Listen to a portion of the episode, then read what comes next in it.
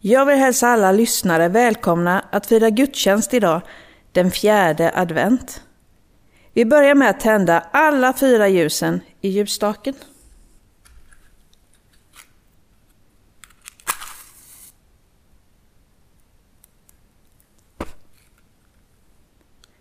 Temat för idag är Herrens moder. Vår ungdomspastor Mattias Livander kommer att predika om Herrens moder, Maria. Vi kommer få höra sång av Agnes och Freja Friman och Anna-Sara Andersson och Ida Hjalmarsson. Agnes och Freja är kusiner med Ida och Anna-Sara. Vi kommer också få höra en sång av Gry Hugosson, Märta Ingesson och Lilly Wiberg. Anders Jomliden kommer läsa inledningsordet och själv heter jag Lotta Jonliden. I många år har vi haft söndagsskogsfest just denna söndagen, den fjärde advent. De senaste åren har varit den tredje advent. Tyvärr har vi inte kunnat ha söndagsskola sedan pandemin startade.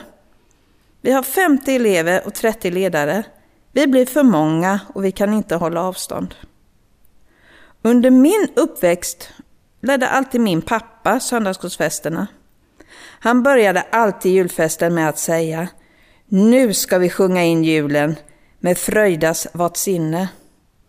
Det tänker jag att vi ska göra även idag. Nu sjunger vi Fröjdas vart sinne med hjälp av vår psalmkör.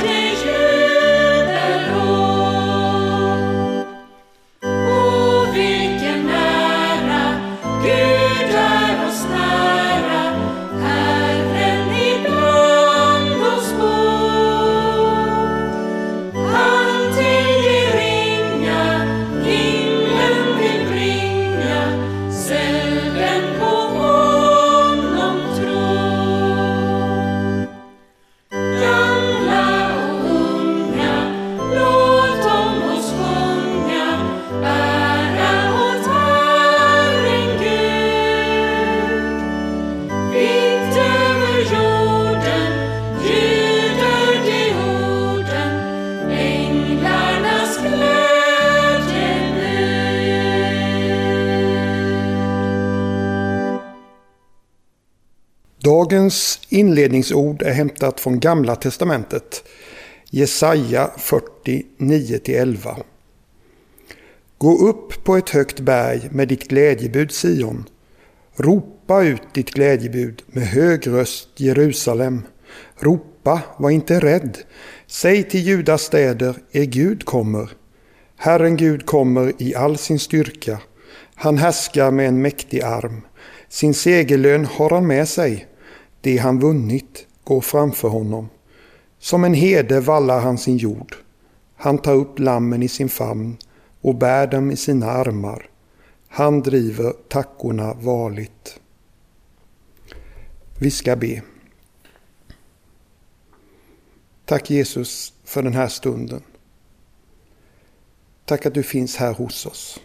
Att du tar hand om oss. Att vi får vara barn till dig. Jag ber Jesus att du nu ska vara med oss i juletid. En tid där vi träffas tillsammans och vi firar och har roligt. Och i år så är det pandemi. Jag ber att du ska vara med oss så att vi inte ska behöva känna oss ensamma, glömda och rädda. Utan att du ska kunna tända ett ljus i oss. Att vi ska få känna att du finns där för oss. Att du har din varma famn och vi får krypa upp i den. Jag ber för alla människor nu på vårt jord. Alla som är rädda och ledsna. Ta hand om oss och hjälp oss att komma ihåg att du är vår frälsare. Du är vår räddare. I Jesu namn. Amen.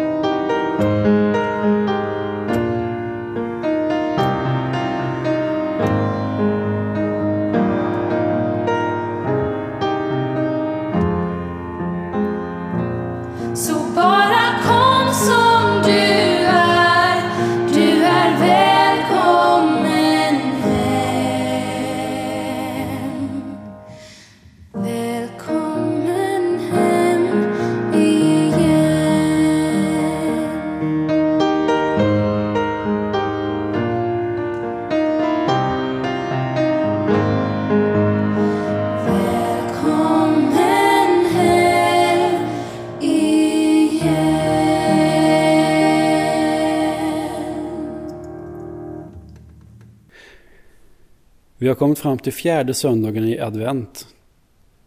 Och eh, temat för dagen är Jesu moder. Jag läser dagens evangelietext från Lukas evangeliet kapitel 1, verserna 46-55.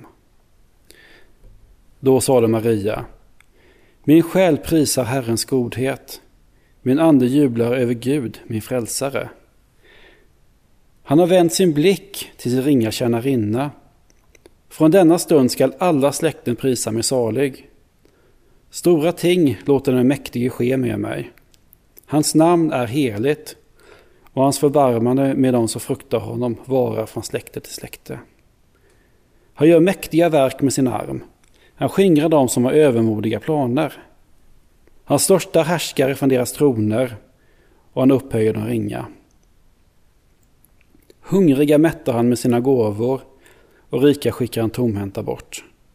Han tar sig an sin tjänare Israel och håller sitt löfte till våra fäder att förbarma sig över Abraham och hans barn till evig tid. Se, jag är Herrens tjänarinna. Må det ske med mig som du har sagt. Det är få böner i Bibeln som har samma slagkraft som Marias svar till ängeln när hon får reda på att det är hon som ska bli den som föder den efterlängtade Messias. Det finns så många sätt att reagera på det här beskedet. Det är inte orimligt att man upplever misstro. Varför skulle jag få den äran? Vad är det som är så speciellt med mig? Det här är för bra för att vara sant. Till råga på allt ska det ske utan någon mans inblandning. Så visst finns det skäl att vara skeptisk. Men det finns ju möjligheter här också. För den som vet att gripa sin chans. Lyssna bara till vad ängeln säger till Maria om barnet hon ska föda. Han ska bli stor och kallas den högste son. Herren Gud ska ge honom hans fader Davids tron och han ska härska över Jakobs hus för evigt och hans välde ska aldrig ta slut. Så för den som söker makt inflytande och bekvämlighet ligger ju vägen öppen. Eller hon kunde reagera med rädsla, vanmakt, löje eller förnekelse. Men det gjorde hon inte. Istället möter hon beskedet med en lydnad och ett lugnt accepterande som vittnar om någon som går utöver tankar och misstro, rädsla eller personlig vinning. För hon låter inte handla om sig själv. Hon går bortom sitt egna. Hon visar en tilltro till vad som komma skall som jag tror måste ha varit grundad i en tillförsikt i Gud. Se, jag är Herrens tjänarinna. Må det ske med mig som du har sagt. Du, inte jag.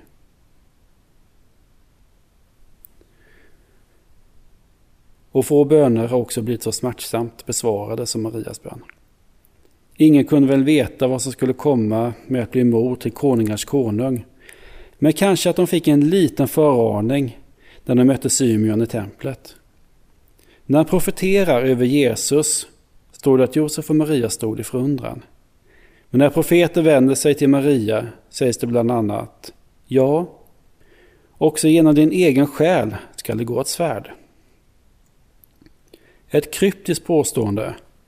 Men jag undrar om det inte får sin förklaring när vi läser vidare om vilka konsekvenser Jesu liv och gärning fick. Också för hans mor och hans familj. För om någon trodde att livet som kungamoder skulle vara det privilegium man kanske hoppats på, kom förhoppningarna snart på skam. Jag menar, redan Jesu födelse var ju en skandal. För även om Josef och Maria var införstådda med sanningen och hade accepterat det som hade hänt, var nog påståendet om att helig ande hade avlat barnet ungefär lika svårsmält i deras samtid som det är för oss idag. Ute i stugorna så visste man nog vad det var som hade skett.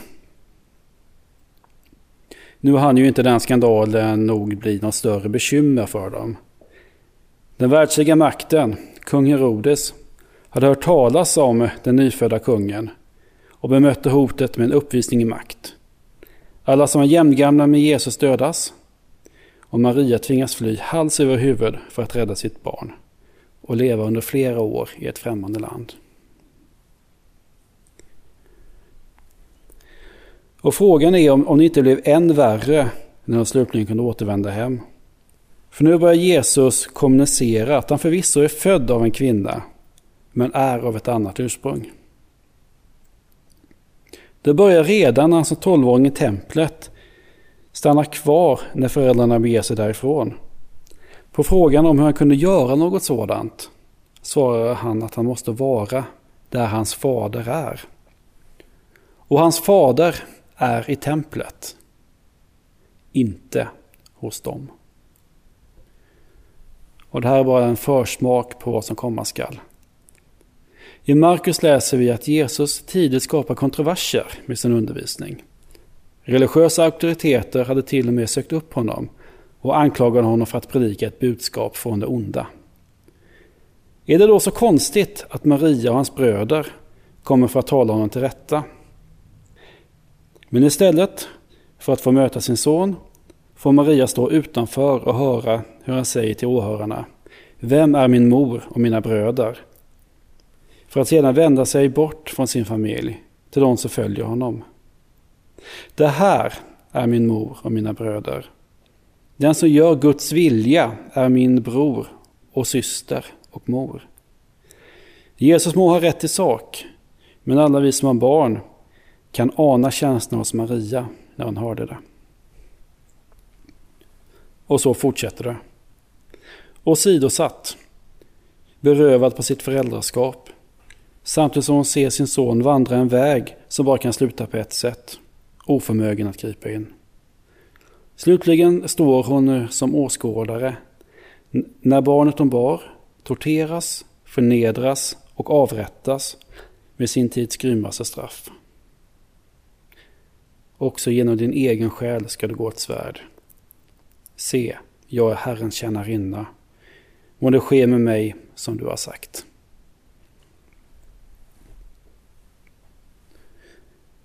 I vår tradition är Maria främst ett föredöme. Hennes bön har kallats lärjungens bön för den sammanfattar vad ett lärjungaskap innebär. Det är ett erkännande av att Gud är Herre också över oss och som en konsekvens av det ett uppgivande av vår egen makt. Ske med mig som du vill. Och att det kan få konsekvenser om man tar bönen på allvar är Marias liv ett vittnesbörd om.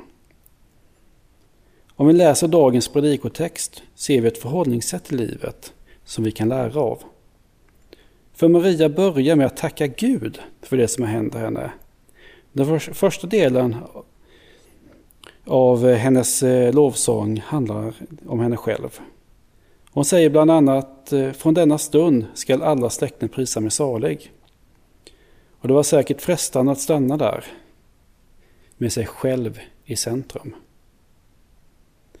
Men det gjorde inte Maria. För efter det följer en lovprisning av Gud och hans makt så slutar med hur Gud tar hand och håller sina löften till sitt folk. Så det som händer Maria handlar om Gud.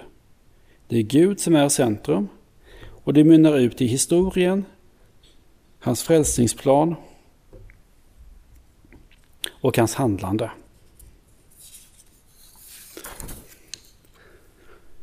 Och Maria placerar in sig själv och det som händer i den planen. Så det Maria säger att det är, att det handlar inte om mig, det handlar om Gud. Vi är inne i advent. Det är en tid av väntan och av förväntan. Det är en tid av hopp. Hoppet är centralt när vi nu blickar framåt mot Guds inträde i världen. Och jag tror också att hoppet är centralt för att förstå Maria. Precis som med hennes bön kan vi göra hennes lovsång till vår egen. Maria var en unik person med en unik uppgift, men vi kan nog alla stämma in i hennes sång. För Gud har vänt sin blick till oss var och en och han låter mäktiga saker ske i oss alla. Vi måste gå men vi måste också gå vidare och inte låta det stanna vid oss själva. Vad ger eh, Maria, Maria uttryck för om inte hopp? Hopp i att Gud är den han utger sig för att vara. Hopp om hans förtröstan och omsorg över oss var och en. Och hopp om att eh, det som sker kommer att leda till den bästa av det bästa, som Henrik uttryckte det i vår podd om Guds rike för några veckor sedan. Och det hoppet fanns med i den prövning som Marias liv sen blev. För kristet hopp innebär inte att allt kommer att vara bra eller att tolka allt som sker positivt. Det kristna, kropp, det kristna hoppet är realistiskt. Det tar hänsyn till att ondskan är en realitet. Hoppet sätter in oss i ett nytt perspektiv. Där vi kan tro att Gud har allt i sin hand och att det finns ett slut på lidandet. För Marias liv blev en prövning och en nödvändig sådan. En debatt som finns inom kyrkan är den hur beroende är Gud av oss människor och vårt handlande? Hade han kunnat genomföra sin vilja i alla fall på egen hand? Och är hans inbjudan till oss att ta del i hans rike och hans handlande i världen mer en fråga om nåd och kärlek mot oss än att han faktiskt behöver oss? Ja, det är en intressant diskussion. Men vi kan, jag tror vi alla kan enas om att Gud eh, faktiskt behövde en person. Den enda personen som jag tror vi med säkerhet kan säga var nödvändig är Maria. För vill man födas in i den här världen så behöver man en mor. Det går inte på något annat sätt. Och har man en mor betyder det att, man, att det finns en människa som är en villkorslös kärlek och en ojämförbar beskyddarinstinkt för en. Och berättelsen om Maria visar att det var här hennes försakelse låg. Och den var stor. Om vi till exempel jämför med, ja, varför inte den rike mannen som sökte upp Jesus och frågade honom, hur kom jag in i ditt rike? Och får till svar att ett fattas dig. Gå och sälj allt du äger och ge till de fattiga. Mannen går gråtande därifrån. Hans prövning låg i att försaka det han ägde och han klarade inte av det. Maria fick försaka så mycket mer. Men tack vare hennes försakelse kan vi nu stämma in i dagens gammaltestamentliga text hämtad från profeten Jesaja. Gå upp på ett högt berg med ditt glädjebud Sion. Ropa ut ditt glädjebud med hög röst Jerusalem. Ropa, var inte rädd. Säg till Judas städer, er Gud kommer. Ja, vår Gud kommer. Och han kommer för att en ung kvinna valde att tro gott om Gud. Lita på hans löften och hoppas på det goda som komma skall. Hennes tro och hopp var så starkt att hon vågade säga Må det ske med mig som du har sagt, oavsett konsekvenserna. Jag vill till sist bara dela några tankar kring det första undret som Jesus gjorde när han gjorde vatten till vin vid bröllopet i Kana. Av någon anledning tar vinet slut för tidigt och Maria vänder sig till sin son med problemet. Svaret blir avvisande. Vad har jag med det att göra, kvinna? Marias reaktion är märklig. Hon säger till de ansvariga för bröllopet att göra allt Jesus säger till dem. Och det mynnar ut i att hundratals liter vatten förvandlas till vin och festen kan fortsätta. Så vad var det som hände?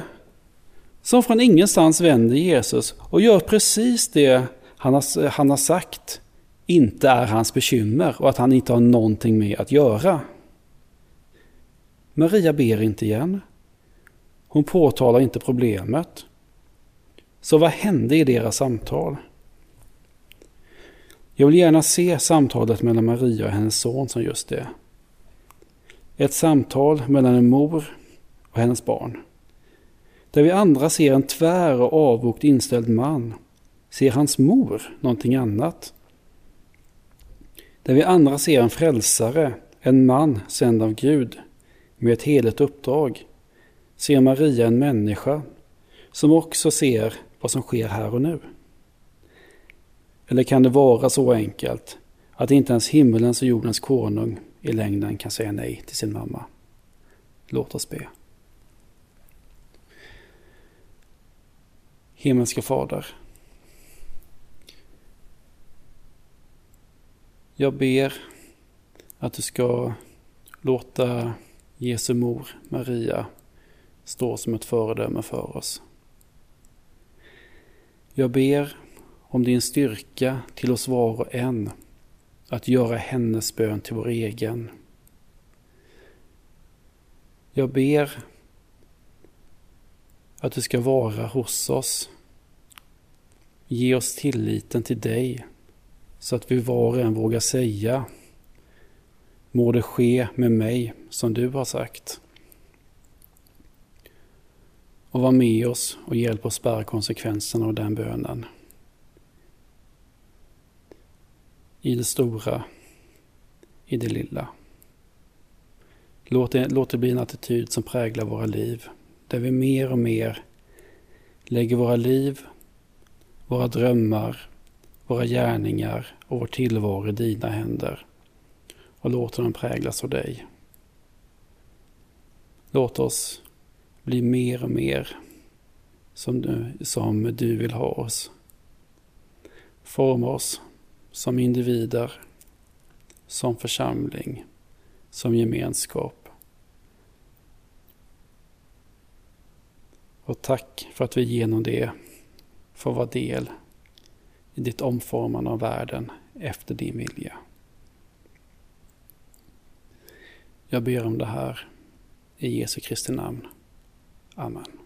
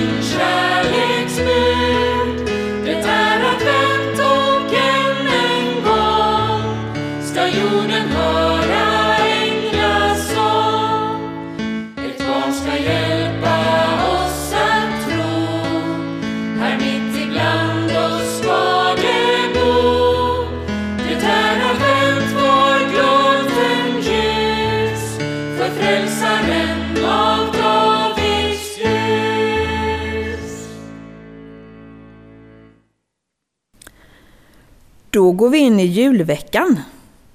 På julafton den 24 december är det midnattsgudstjänst som läggs ut klockan 22.00.